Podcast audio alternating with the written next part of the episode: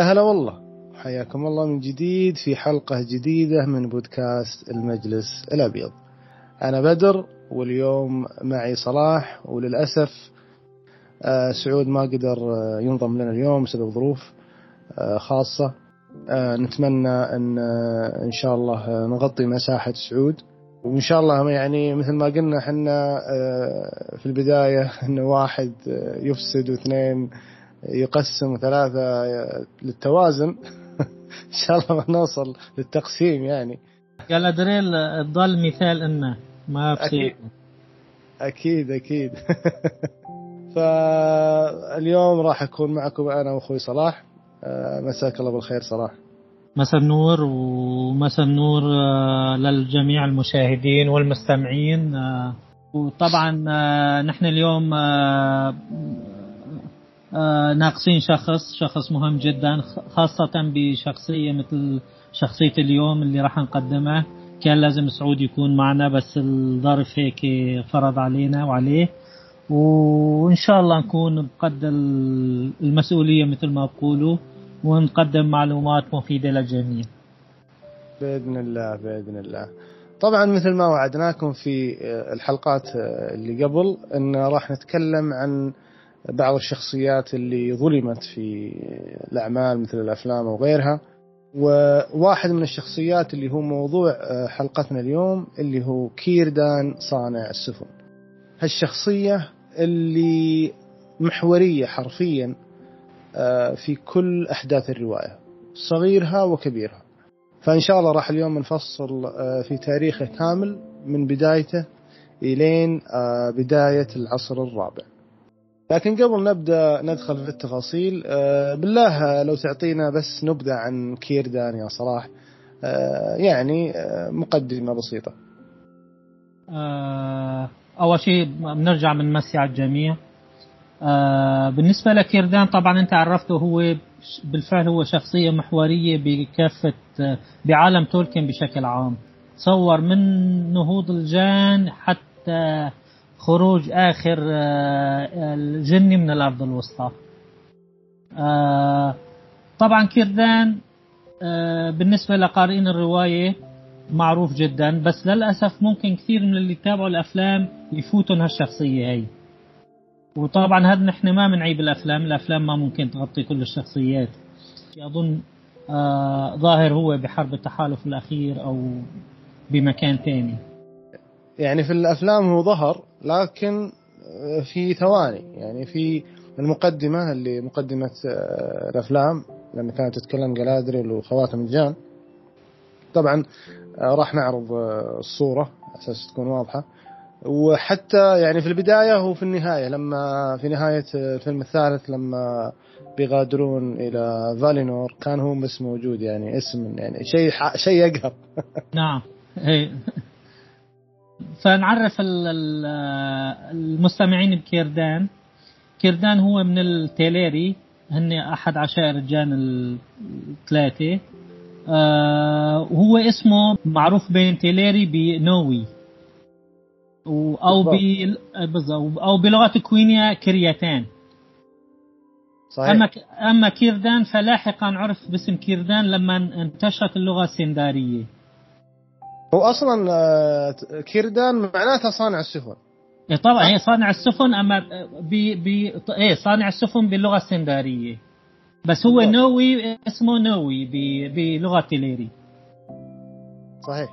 آه كيردان آه طبعا هو نقدر نقول إني عاصر كل عهود الجان ولم يغادر الأرض الوسطى. بال يعني ضمن الزمن المعروف آه يمكن حتى نهاية العصر الرابع آه عفوا بداية العصر الرابع آه وهو من اللي أقاموا على شواطئ بليرياند بالعصر الأول بخليج أو على في أراضي فالاس. وبالعصر الثاني بعد إغراق بليرياند انتقل لليندون تحت إيد جيلجالاد طبعا راح نحكي عن هالشيء بالتفصيل. ولادته مبهمة. لا أو مو مبهمة يعني ولادته أكيد هو من اللي من اللي نهضوا الأوائل بشرقي الأرض الوسطى بكويفيينين يعني نقدر إني نقول أول ظهور علني له بالرواية هو سنة 1105 من عصر الأشجار. صحيح. اللي هي السنة اللي آه اللي بدأت فيها الهجرة آه باتجاه الغرب. يعطيك العافية أخوي صراحة على هالنبذة. آه طبعا آه الآن راح نبدأ في آه التفاصيل أو تفاصيل التفاصيل. في البداية طبعا مثل ما قال صلاح كيردان هو الاسم الأشهر له لكن في البداية كان اسمه نووي. طبعا كيردان كان من أوائل الجان استيقاظا على شواطئ كويفيين. الجان الأوائل هم مجموعة من 144 شخص تقسموا إلى ثلاث أقسام. لاحقا أصبحوا أو صاروا عشائر الجان الثلاثة النولدور الفانيار التيليري. هو قريب من إلوي اللي هو ثينجل يعني شخصية من أشهر الشخصيات خصوصا القراء الرواية. وبدأ ظهوره في أو عرف في الرواية بداية رحلة الجان العظيمة. طبعا إحنا ما ودنا ندخل في رحلة الجان العظيمة لأن تفاصيلها كثير والرحلة بحد ذاتها قصة يعني. فإحنا تكلمنا عن الرحلة هذه في مقاطع خاصة. فعندي في القناة اللي هو أول مقاطع سلسلة تاريخ الأرض الوسطى اللي هو بداية العالم ورحلة الجان العظيمة. هذه تفصلها من الألف إلى الياء وفيها كيردان وش اللي حصل مع كيردان. وأيضا على قناة صلاح في سلسلة السلماريليون فيديو أبناء النجوم بعد يتكلم عن رحلة الجان العظيمة. فباختصار رحلة الجان العظيمة كانت محاولة من الفالر لإنقاذ الجان من من ظلام مورغوث ونقلهم إلى فالينور. طبعا الرحلة ابتدت وانتقلوا أولا الفانيار كاملين إلى فالينور وبعدها النولدور انتقلوا كاملين إلى فالينور. بينما التليري الجزء الأخير تقسموا عدة أقسام. فنجي للقسم الأخير اللي خص كيردان. لما وصلت المجموعة هذه إلى بليرياند مثل ما هو واضح في الخريطة. أنا طبعا بحط الخريطة محاولة لتوضيح سير الرحلة. هنا حصل حدث معروف اللي هو إلوي أو ثينجول ملك المجموعة هذه أو قائدها انفصل عن المجموعة والتقى في ميليان. طبعا لقائهم كان نوعا ما سحري وكان فيه بعض التعاويذ وكذا فادخلوا الاثنين في حالة سبات المدة طويلة من الزمن. فالمجموعة اللي كانت معه كان من ضمنهم كيردان. ففي ناس كملوا الطريق إلى الشواطئ بحيث أنهم ينتقلون إلى الأرض الوسطى عفوا ينتقلون إلى فالينور وفي ناس قرروا أنهم يظلون مكانهم ويبحثون عن الملك. وكان على رأس المجموعة هذه اللي ظلت ولاء إلى إلوي أو ثينجل كيردان. فالمجموعة اللي انتقلت للشواطئ انتقلوا كالدفعة الأخيرة إلى فالينور. وهؤلاء أصبحوا اللي هم جان تول إيريسيا اللي هي الجزيرة المقابلة إلى شواطئ فالينور فبعد مدة وبسبب أن السبات اللي حصل ما بين إلوي أو ثينجول وميليا كان طويل جدا في هالحالة انتقل كيردان بالناس اللي معه إلى الشواطئ اللي هو كان المكان اللي ينقل منه الجان إلى فالينور فلما وصل شاف من بعيد تول إيريسيا. تول إيريسيا طبعا الجزيرة هذه اللي تنقل الجان إلى فالينور. كانت في مسافة بعيدة وكانت يعني تعطي نفس السراب أو نفس الضوء وهي طبعا من أمنياته أن ينتقل فالينور ففي ذيك اللحظة وصلت له مثل النبوءة أو حلم أو يعني نظرة للمستقبل. كانت رسالة من الفلر بما يعني أن الآن ما هو وقتك تنتقل للغرب ولا يزال عندك آه، مهام آه، في الأرض الوسطى. وكان في النبوءة هذه تلميح إلى سفينة. وأن آه، راح تصنع سفينة عظيمة تحقق فيها أمنيتك الانتقال إلى إلى فالينور فبعد هالنبوءة أخذ كيردان مهنة صناعة السفن. طبعا عرف الميناء هذا أو عدة موانئ بفالاس طبعا موجودة الآن على الخريطة مثل ما هي واضحة. وبدأ آه، بصناعة السفن. وأخذ الاسم اللي كلنا نعرفه اللي هو كيردان. كيردان بالسندارية تعني صانع السفن. فأصبح كيردان بالناس اللي معه في المنطقة هذه آه، يلقبون بالفلاثرم الفلاثرم معناتها قوم الشواطئ. وأصبح هو سيدهم. وأسس آه، موانئ مثل إيجلرست وبريثنبار. ففي هالأثناء ثينجول آه، استيقظ وقرر أنه يبقى في الأرض الوسطى مع آه، ميليان. وأسسوا المملكة المعروفة آه، مملكة الغابة اللي هي دورياث.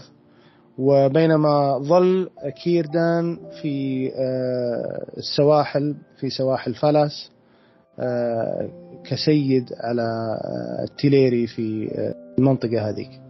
طبعا بعد التأسيس تجينا قصة آه، مورغوث والأحداث اللي حصلت مع النولدور وهذه بعد تكلمنا فيها في مقاطع خاصة سواء في سلسلة سيلماريليون على قناة صلاح أو في سلسلة تاريخ الأرض الوسطى. واللي كانت نتيجتها هجرة النولدور إلى الأرض الوسطى للانتقام من مورغوث. وامتدادا للأحداث هذه كلنا نعرف آه، رجع مورغوث إلى الأرض الوسطى. ورجع إلى قلعته في الشمال أنجباند وبدأ يحط الخطط أنه يسيطر على بليرياند وعلى الأرض الوسطى بشكل عام. وكان أول أهدافه اللي هم السيندار. السيندار طبعا اللي هم ثينجول والجان اللي في دورياث وكذلك كيردان والجان اللي على السواحل. مورغوث آه، وصل على الأرض الوسطى حميان. يعني بعد طقة مرتبة وداخل على الحرب مباشرة مع مع الجين أي ما ما عنده وقت هو أصلا. يعني إيه يقول... يعني هون كانت أونجوليانت تعاملت له بدن مرتب. إيه ومن وصل مباشر يلا الشباب على الحرب. هو أصلا يقول لك إن ساورون كان مجهز له الأمور يعني في انجبان إيه جيوشه جاهزه فهنا بدت أول حروب بليريان طبعا هذه بعد تكلمنا فيها في السلسلة أو السلاسل. إحنا ما ودنا ندخل في تفاصيل كثيرة لأن لو ندخل في كل حدث كان آه، كيردان جزء منه. يعني نتكلم عن كتاب يعني كنا بنشرح كتاب كامل. فحنا نحاول ان نتجنب التفاصيل اللي ممكن تكون مشروحة ونركز على كيردان فقط. فبدأت أول الحروب وكان الهجوم على آه، ثينجول في في دورياث.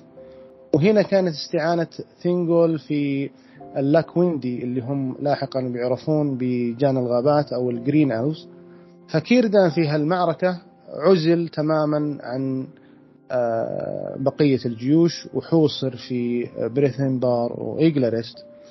واستمر الحصار هذا إلين وصول أول جيوش النولدور وهو جيش فينور فاضطر مورغوث أنه يسحب الجيش اللي كان محاصر كيردان ويوجهه إلى النولدور في الشمال. فكانت هذه أول معارك بليرياند اللي هي معركة مورغوث مع ثينجول وكيردان طبعا المعركة هذه ما سميت لكن المعركة الثانية اللي هي آه، كأنها آه، استكمال للمعركة الأولى بس آه، الخصوم تغيروا من السندر إلى النولدور وكانت هذيك اللي هي معركة ما تحت النجوم. فهنا نبدأ في العصر الأول. وبس عشان نوضح فكرة العصر الأول وما قبل العصر الأول. العصر الأول والعصر الثاني والعصر الثالث هذه سنوات الشمس والقمر. طبعا أول ظهور للشمس والقمر هو أول يوم في العصر الأول. ما قبل العصر الأول كانت سنوات الأشجار. وبعد ما تدمرت الأشجار آه، ثمرة من شجرة ووردة من شجرة تحولت بخلطة تولكن إلى الشمس والقمر. فبس هذا عشان نوضح الفرق ما بين العصور. طبعا الآن نجي عاد الطحن في آه، العصر الأول. والعصر الأول يعني ممكن هو أقل آه، العصور سنوات لكن أكثر العصور ملاحم. طبعا مثل ما قال بدر العصر الأول بدأ مع ظهور أول شمس. طبعا ظهور أول شمس هذا يعني أن نحن كنا طالعين من من معركتين كبيرتين خلينا نقول. ومورغوس كان في نكسة حقيقية طبعا. طبعا سندار نظروا للنولدور نظرة إن آه، هؤلاء مبعوثي الفالار مبعوثي الغرب ومهمتهم إنقاذهم آه، من سطوة مورغوس. مورغوس العائد العائد حديثا يعني. طبعا سندار ما بيعرفوا شو صار بفالينور صحيح. هذه يعني هذه مهمة جدا لأنها راح تغير آه، ال ال الأحداث لاحقا. يعني كانوا السندار على نياتهم مثل ما نقول. ما ما عرفوا اللي حصل. بالضبط. مرت الأحداث آه، فيانور. طبعا معركة تحت النجوم آه، لها نتائج طبعا إن فيانور مات. و... وبالضبط. وصارت أحداث نقلت الملك ملك النولدور من أبناء فيانور لفينغولفين. نحن ما لنا بصدده يعني. طبعا فينغولفين حكيم جدا وكان يشوف الفارق بين نولدور وسندار. فهو أول شيء عمل آه، آه، يعني بما آه، شيء عيد يجمع كل أطياف الجان ببليريان سماه ميريث أديرثاد. صحيح. كان في بحيرة إذا بتحط الخريطة في بحيرة إفرين منابع نهر ناروك كان بهذيك المنطقة يعني مكان التجمع. هو الغرض من العيد الغرض الغير مباشر هو تقوية العلاقة بين نولدور وسندار. وطبعا كردان كان شخص حكيم جدا وكان يهمه هذا الشيء وكان دائما من الحاضرين بهذا العيد. طبعا هو عيد سنوي. ومن الشخصيات اللي أقسموا على الصداقة مع النولدور بالنسبة للسندار يعني. ومن خلال هذا العيد تعرف على شخصيات من النولدور أبرزهم فينرود. فينرود اللي ساهم بشكل كبير ببناء بريثنبار وإجلاريست هو طبعا آه تعقيبا على هذه آه هي بريثنبار وايجلرست آه تقريبا تدمرت من ال من ال من الحصار طبعا من الحصار بالضبط. وحتى آه، رجع بنى له الأبراج على نمط آه، يعني مثل المنارات. بنى له الأبراج الباراد نمراس. فطبعا فينرود هذا فينرود هذا من أحب الشخصيات لقلبي صراحة لأنه بغض النظر عن الحكمة والشجاعة آه، الشخص هذا أي مكان يجيه يبني في حاجة يبني في شيء. يترك أثر يترك, يترك أثر. يترك أثر. بمرور الوقت طبعا مهم جدا آه، هي آه، سنة 55 من العصر الأول حصلت المعركة الثالثة اللي هي كانت الداغور أجلاريب المعركة المجيدة نعم المعركة المجيدة. المعركة المجيدة بالضبط. فهي طبعا هون كانت المبادرة من مورغوث مورغوث اللي خسر خسارة كبيرة بمعركة تحت النجوم. آه، بادر اللي هو يفاجئ مثلا أمراء أمراء النولدور. آه، لكن هو تفاجأ إن كلهم جاهزين له وكانت ضربة كبيرة له واثر هالمعركة تم حصار انجباند يعني حصار خانق. بالضبط. صار الحصار على البوابات. قوات النولدور صارت على البوابات. هو ما توقع صلابة الجان بالطريقة هذه. بالضبط. وهذا هذا الشيء خلى مورغوث يراجع حساباته و... و... وما يعتمد على الأورك. هو راجع راجع صراحة. إيه. هالشيء هذا عم نمهد؟ نحن إني ميلكو إني ميلكور آه غير كل خططه. وهون طبعا بعد هالمعركة هي دخلت فترة سلام طويلة جدا استمرت 400 سنة. هالفترة هي طبعا مورغوث أو ميلكور ما كان نايم. هون صار يعتمد على آه أسلوب دس الإشاعات. ومن أهم الإشاعات اللي جابها أو مو هي الإشاعات اللي أخبار اللي كانت غايبة عن سندار هي مذبحة الكوالندي مذبحة الأقارب الأولى. صحيح. هي المذبحة بالضبط. سندار كانوا ينظروا للنولدور على أنهم منقذين أنهم مبعوثين من الفلار. وهالشيء كان كله هن ما بيعرفوا أن هدول منفيين أن هدول ملعونين. أن شو عملوا بالكوالندي كيف ذبحوا أقاربهم؟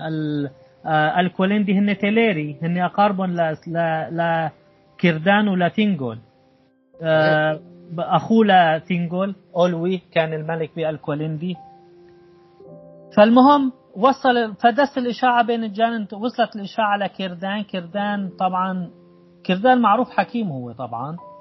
طبعا آه، كيردان مثل ما قلت أنت هو أخذها بصدر رحب لأنه هو كانت له نظرة مستقبلية وهذه من من صفات كيردان. لكن اللي ما أخذها بصدر رحب ثينجول ثينجول ثينجول حتى آه، بسبب الأخبار هذه حرم يعني السندر بشكل عام إنهم يتكلمون بلغة النولدور حتى ممنوعه لغة النولدور في أي يعني بكل بليريان. باعتباره ملك باليريان تينجول هو ملك باليريان صحيح.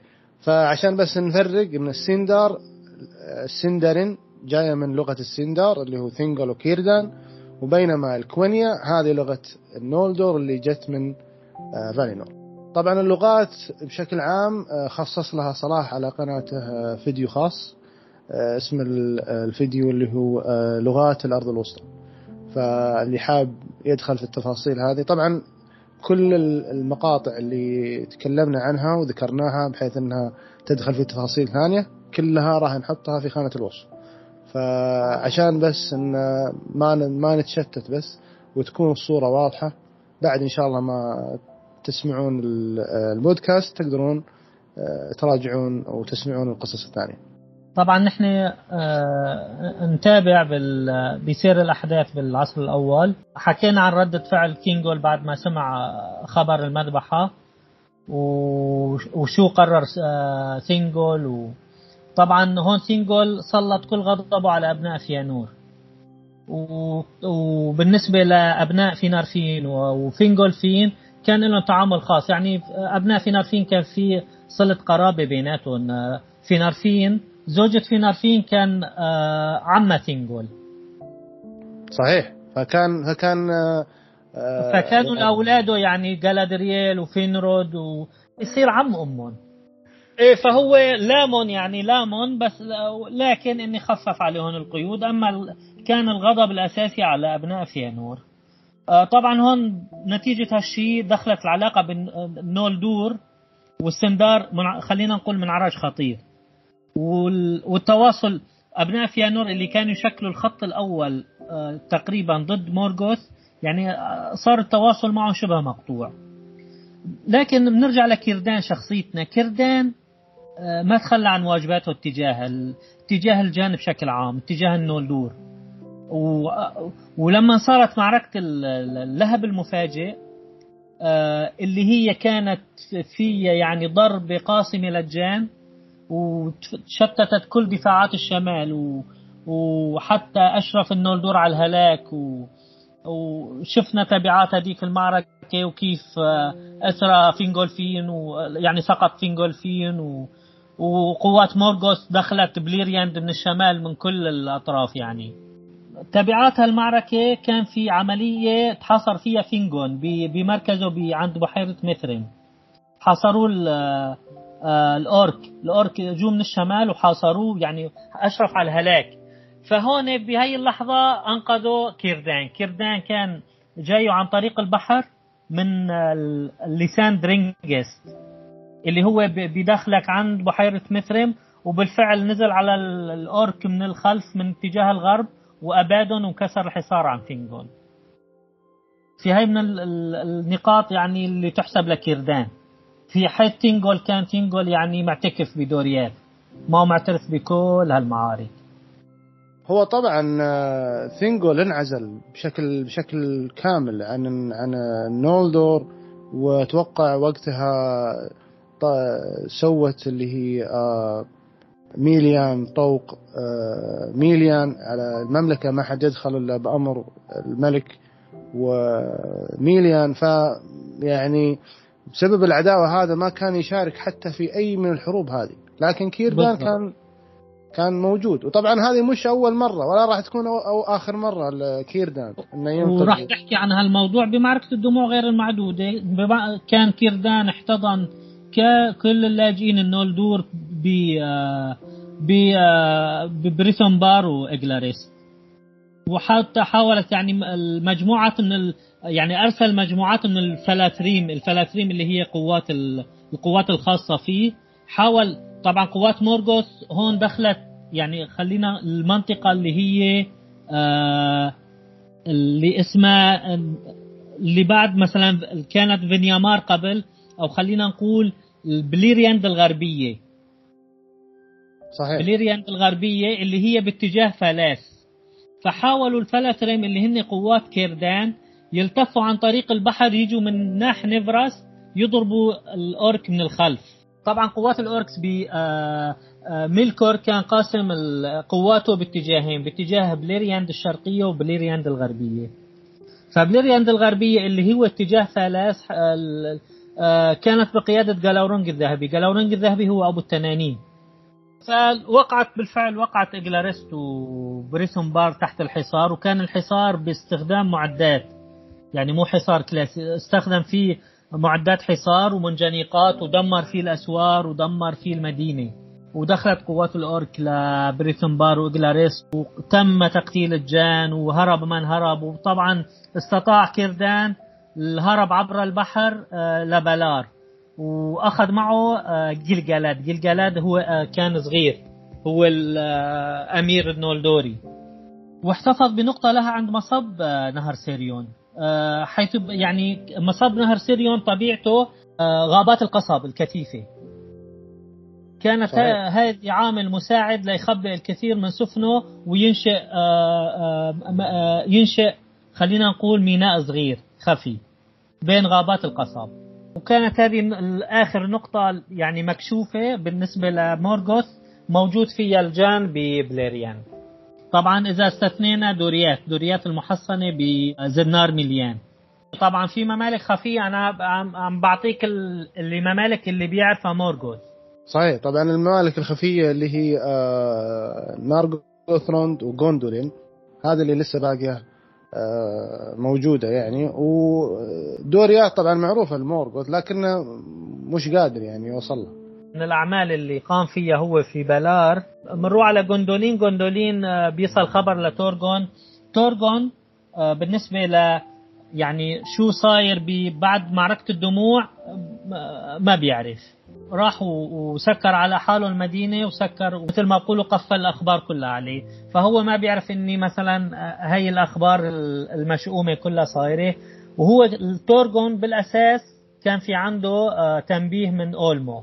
كردان طبعا من الأعمال العظيمة اللي قام فيها.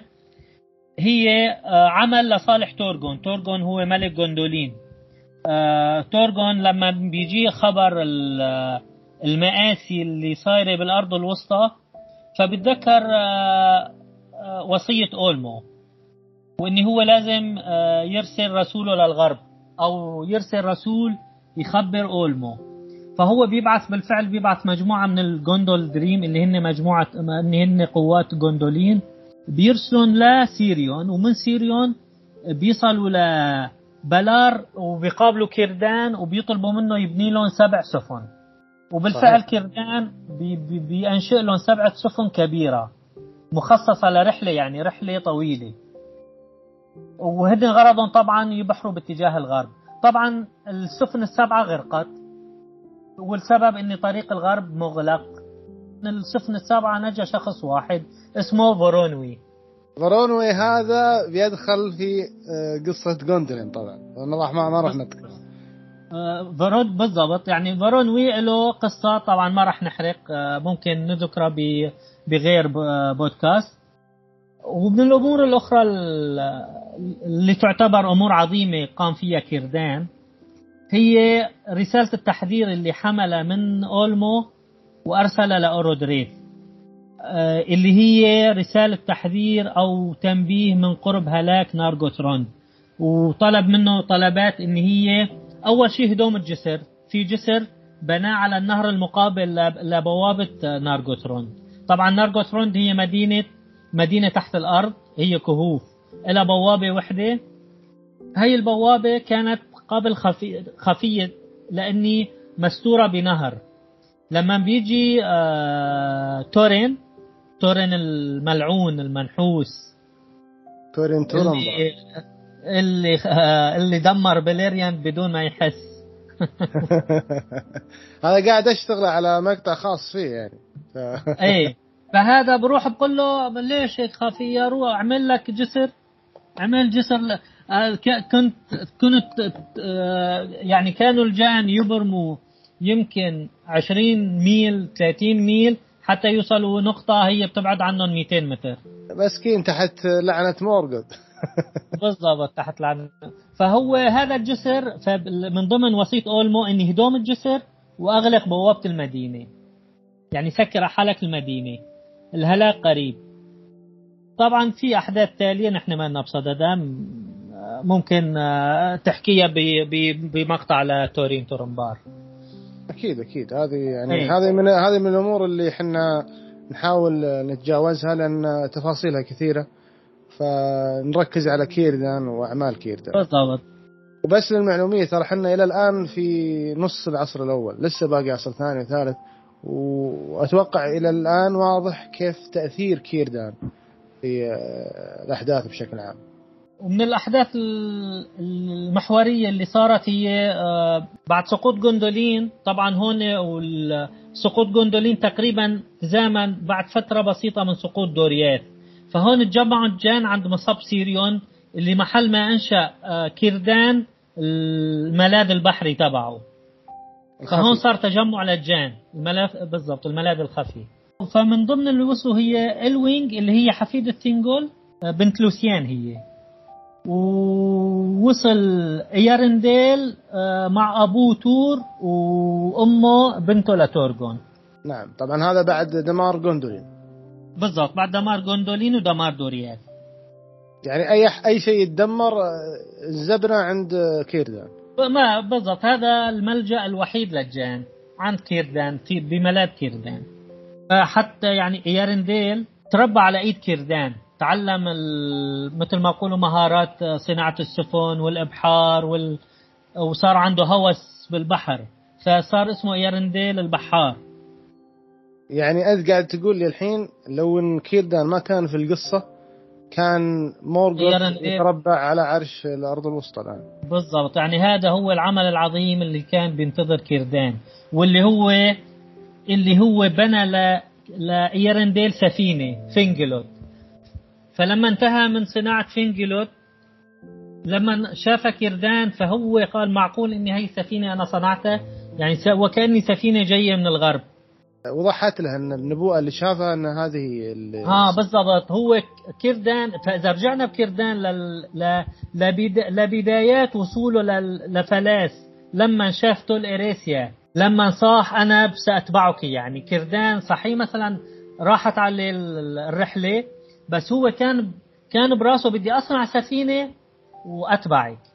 فهون إجته نبوءة الفالار إني لا ما في أي سفينة ممكن تصل للغرب.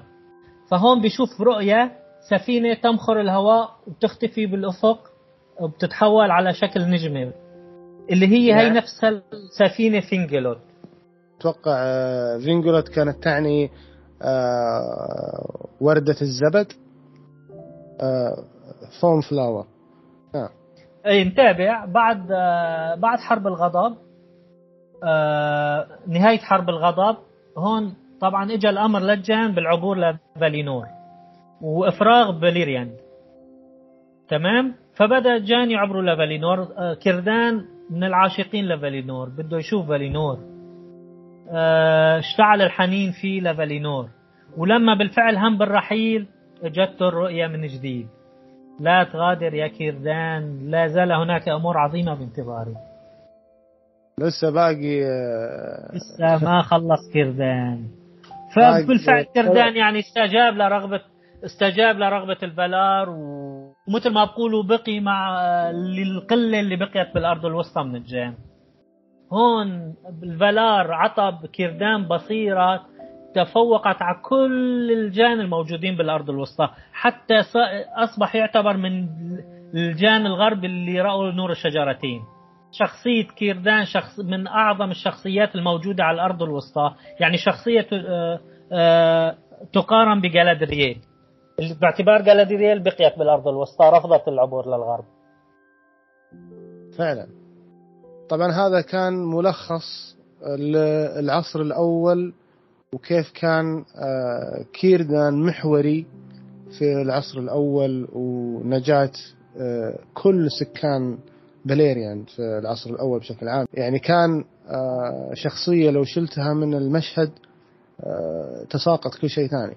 وهذا لسه لسه الآن ندخل في العصر الثاني. طبعا العصر الثاني بعد حرب الغضب ونهاية العصر الأول آه، استمر السلام تقريبا إلى ألف سنة.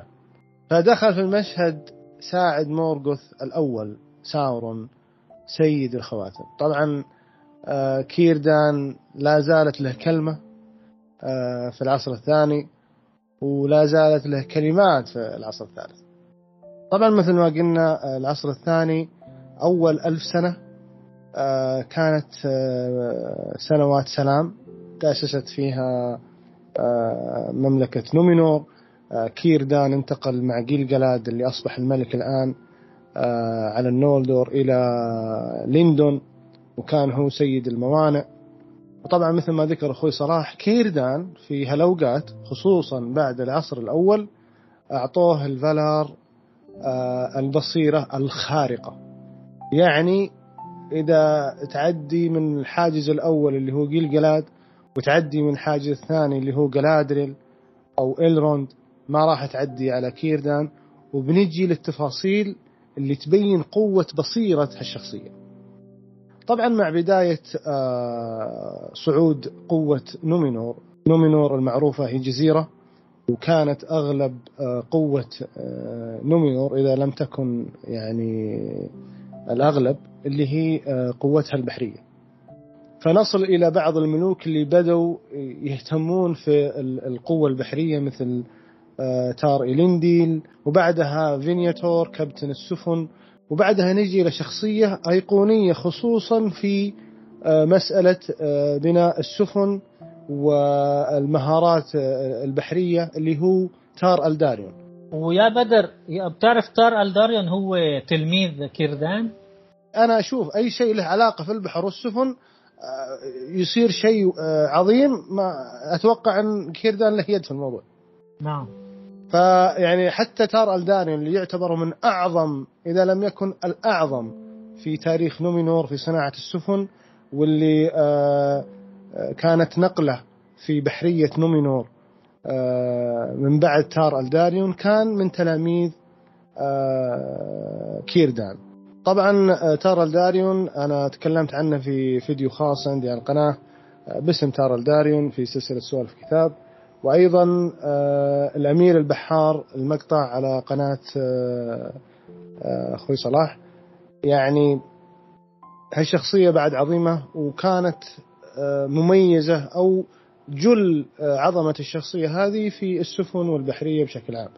فترجع لك هنا إن أقوى أو من أقوى ملوك نومينور كيردان كان له يد في الموضوع. طبعا مع وقت تار إلداريون كان وقت صعود ساورون ومثل ما ناقشنا ممكن في مقاطع قديمة أن تارا الداريون كان آه، حلقة الوصل ما بين آه، جيلجلاد وملوك نومينور آه، للتحذير من من خطر ساورون وبداية صعود الظل. ومنها بداية صناعة الخواتم. طبعا صناعة الخواتم أول شيء آه، ما كانت فترة آه، بسيطة. يعني استمر ساورون يخدع الجان ويستدرجهم لمئات السنين. فانتقل في البدايات إلى ليندون اللي فيها جلجلاد وكيردان. وطبعا بلا شك كان كيردان من الأشخاص اللي رفضوا آه، أو شافوا الغطاء تحت شكل أناتار الخبث اللي كان فيه ساورون. فلما بنيت إيريجيون وذاع صيت نقابة الحدادين اللي هي قواية إيمير داين وكانت خدعة ساورون آه، انطلت بالكامل على الحدادين بسبب شغفهم بسبب حبهم للعلوم والعلوم اللي قدمها ساورون. فكان كيردان من الناس اللي أشاروا ضد صناعة الخواتم. يعني من البداية كان مكذب تنكر ساورون وكان يحذر من ساورون وكان آه، ضد صناعة خواتم السلطة فحصل اللي حصل وصنعت الخواتم وبدأت حرب ساورون والجان آه، اللي تكلمنا عنها بعد في مقاطع ثانية اللي انتهت بهزيمة ساورون بتدخل النمنوريين فكانت نتيجتها خواتم الجان الثلاثة اللي هي نينيا فيليا وناريا. طبعا آه، كيليبريمبور قبل نهاية الحرب هذه ائتمن آه، كيردان على واحد من الخواتم والآخر مع آه، جيل جلاد والخاتم الأخير كان مع جلادري فكان الخاتم اللي مع كيردان هو خاتم ناريا خاتم النار. وشفنا هذه اللقطة ترى في مقدمة الأفلام. لما بداية الفيلم الأول مقدمة جلادريل آه، كان هذا أول ظهور كيردان بواحد من الخواتم. وطبعا بعد هالأحداث آه، تكون المجلس الأبيض. آه، وتكلمنا عن هالموضوع في الحلقة السابقة وكان من الأعضاء المؤسسين اللي هو كيردان. وبعدها راح نوصل إلى نهاية العصر الثاني لأن صارت عدة أحداث طبعا ما تهم شخصيتنا لأن تركيزنا على كيردان فقط. ونهاية العصر الثاني اللي هي حرب التحالف الأخير. طبعا حرب التحالف الأخير هي حرب كبيرة وعظيمة استمرت ل 12 سنة. تحركت الجيوش من ريفندل ودمرت ساورون آه، على حقول موردور وطبعا هنا نجي للحاجة الصادمة صراحة. يعني هذه أنا معلومة مرت علي ما انتبهت لها إلا وأنا قاعد أحضر للبودكاست. اللي شفنا في الأفلام لما آه، هزم ساورون وأخذ اسيلدور الخاتم كان الشخص اللي قال له آه، آه، دمر الخاتم في البركان كان إلروند. لكن في الواقع الشخص اللي راح الإسيلدور وقال له دمر الخاتم في النار كان كيردان. يعني هذه حاجة أنا صدمت يوم عرفتها اليوم.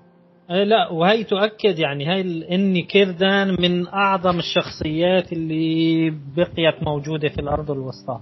لا ايلروند ولا يعني ممكن جالادرييل آه، يعني من مرتبة جالادرييل.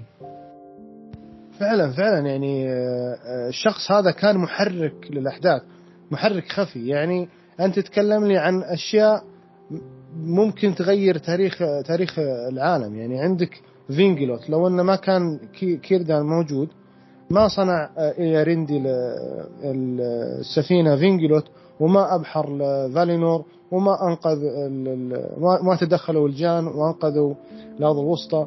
وكذلك لو أن آه، سمعوا تحاذير كيردان في نارغوثروند وغيرها ما حصلت المجازر هذه. وأيضا الآن عندك لو إن اسيلدور سمع آه، مشورة آه، كيردان ودمر الخاتم كان أيضا تغيرت أشياء كثير. فالشخصية ذي كانت حاسمة حاسمة جدا. فهنا ممكن لو آه، وصلت للنقطة هذه تعرفون ليش إحنا زعلانين انه مسحوب على الشخصية ذي؟ سواء في الأفلام أو المسلسل. يعني شيء شيء ترى يقهر إن شخصية بهالعظمة آه، يعني مهمشة جدا. لا زال لسه ما خلصنا يعني. لا زال لسه الحين ندخل في العصر الثالث وكذلك كان له دور محوري جدا في العصر الثالث حتى نهاية ساورون نتكلم عن كيردان بالعصر الثالث. آه كيردان بالعصر الثالث طبعا كشخصية محورية ما طبعا لا زال آه له الريادة آه، طبعا بعد وفاة جلجلاد آه، كردان هو اللي حكم جان ليندون. أول ما وصل الإستاري آه، طبعا نزلوا بالموانئ الرمادية. كان كمان هون صار في أمر مهم جدا جدا. وطبيعي جدا كان كردان هو أول من استقبلهم. ولأني مثل ما أسلفنا كردان ذو بصيرة عميقة ورؤية بعيدة. رأى في جندلف الخير لأهل, لأهل الأرض الوسطى. طبعا الإثار اللي وصلوا هن جاندالف سارومان راداغاس. فهو شاف جاندالف إن هذا هو المنقذ. بدليل آه قدم له خاتم ناريا. مو بس شاف إن في جاندالف الخير شاف أيضا في سا في سارومان إن ما هو مضبوط. بالضبط في شر. ناريا هو طبعا هو خاتم من خواتم القوة من أهم خواتم القوة خاتم النار. يعتبر من الكنوز بالنسبة لكيردان فهو قدمه طبعا بدون بشكل سري لجاندالف وجاندالف يعني هو جاي ضمن مهمة معينة يعني أكيد عنده دراية بالأمر. طبعا كيردان بيشارك بحرب أنجمار طبعا بشكل فعال بيشارك مو إني يعني مجرد المشاركة. هو هو فعلا آه، الملك المشعوذ هزم ثلاث مرات وفي كل مرة كان آه، كيردان حاضر. طبعا معروف حرب أنجمار تكلمت عنها في آه، أكثر من مقطع سواء في حرب أنجمار أو في مقطع الطاعون العظيم أو في مقطع الملك المشعوذ أو في مقطع إليسار. كل التفاصيل هذه عن أنجمار راح تلقونها في المقاطع هذه. ولكردان كان طبعا له دور بمحاولة إنقاذ الملك آخر ملوك أرنور أرفيدوي اللي توارى بالشمال وطلب المساعدة. أرسل ابنه لكيردان طالب المساعدة. طبعا تهور الملك وغرقت فيهم السفينة وضيعوا إرث أرنور و... هو أرسل السفينة للشمال عشان ينقذه اي وكانت السفينة إيه هذاك بشور عليه إني لا تطلع بالسفينة خليك هون بس خلي يجيبوا لك آه، مونة. صحيح. بين ما البرد يخف والملك هذا ي... يعني يطلع من ارضك ورجع بس هو لا بيصر على الرجعه وبيطلع بالسفينة و... وبيبلعون البحر. وطبعا كيردان حصل على أحد أحجار البلانتيري اللي أخذ من أبراج التلال يعني هدول اللي بقيوا من إرث آرنور. لكن هذا الحجر الموجود كان مفصول يعني ما مربوط بأي حجر ثاني آه، طبعا الآن بنجي أخيرا بنهاية العصر الثالث لحرب الخاتم. وبحرب الخاتم كردان لم يكن له دور مباشر بالحرب. آه، سوى أني كان هو بالموانئ الرمادية. واستقبل في نهاية الحرب جاندالف وجالادرييل وإيلروند لما عبروا آه، باستخدام سفينة هو آه، هو بناها للعبور لفالينور. بعدين يا أخوي ما قصر ترى حارب لك في في قبل العصور وبعدين العصر الأول العصر الثاني. والله ما قصر. آه، وتبي بعد يحارب حرب الخاتم؟ والله يعني خلاص تقاعد. حتى يعني السفينة اللي ودتهم الفالينور هو اللي صنعها. إي إي نعم ذكرت هالشيء والله ما قصر صراحة. وطبعا معلومة مهمة إن كيردان في نهاية حرب الخاتم هو تقريبا الجان الوحيد اللي آه، ربت له لحية. لأن أنت تتكلم عن شخص موضوع. من بداية آه، استيقاظ الجان. يعني أنت عندك العصر الثالث 3400 سنة أو 3300 سنة. والعصر الثاني كذلك. العصر الأول 500 سنة. العصر عصر آه، سنوات الأشجار 1400 آه، سنة قد تقارب ممكن دبلها لما تحول تسوي المعادلة اللي سواها تولكن. يعني يقل آه، عشرة آلاف سنة. لا يقل. لا يقل. نعم. الشخص هذا موجود عشرة آلاف سنة. في موضوع مهم بموضوع حياة الجان بدأ اللي هي آه، طبعا لا يتعلق بالعمر أني مثلا تعيش عصر أو عصرين أو ثلاثة هن الجان خالدين بطبيعتهم. لكن في موضوع آه، لما الجان بيدخلوا ب آه، بشي نوع اسم من سماه تولكن third cycle. يعني مثلا بلش الجان ال first cycle هي أول سنة من عمر أول 100 سنة من عمره لما يصل سن البلوغ. الجان 100 سنة بيصل سن البلوغ. ال second cycle هي فترة الخلود. هاي فترة مفتوحة. ممكن تعيشها 100 سنة ممكن 1000 سنة ممكن 10000 سنة. ال third cycle اللي هي هاي لما الجان بيصير عليه أمر مثلا ثينجول مثال. ثينجول لما شاف آه، لوثيان. بتدخل بمرحلة الموت لوثيان مو تحولت لفانيه نعم. لما شاف على وضعها هيك أصابه حزن شديد. فدخل بال third cycle. صار له لحية انعزل ودخل بمرحلة حزن. فهي هون مرحلة ال third cycle سموها. فهون لما الكردان صار له دقن مجرد ما الجان صار له دقن صار بال third cycle. فهو خلص لازم يعبر لفالينور. مشان يعمل refresh لروحه. لأن بدأت بالتلاشي.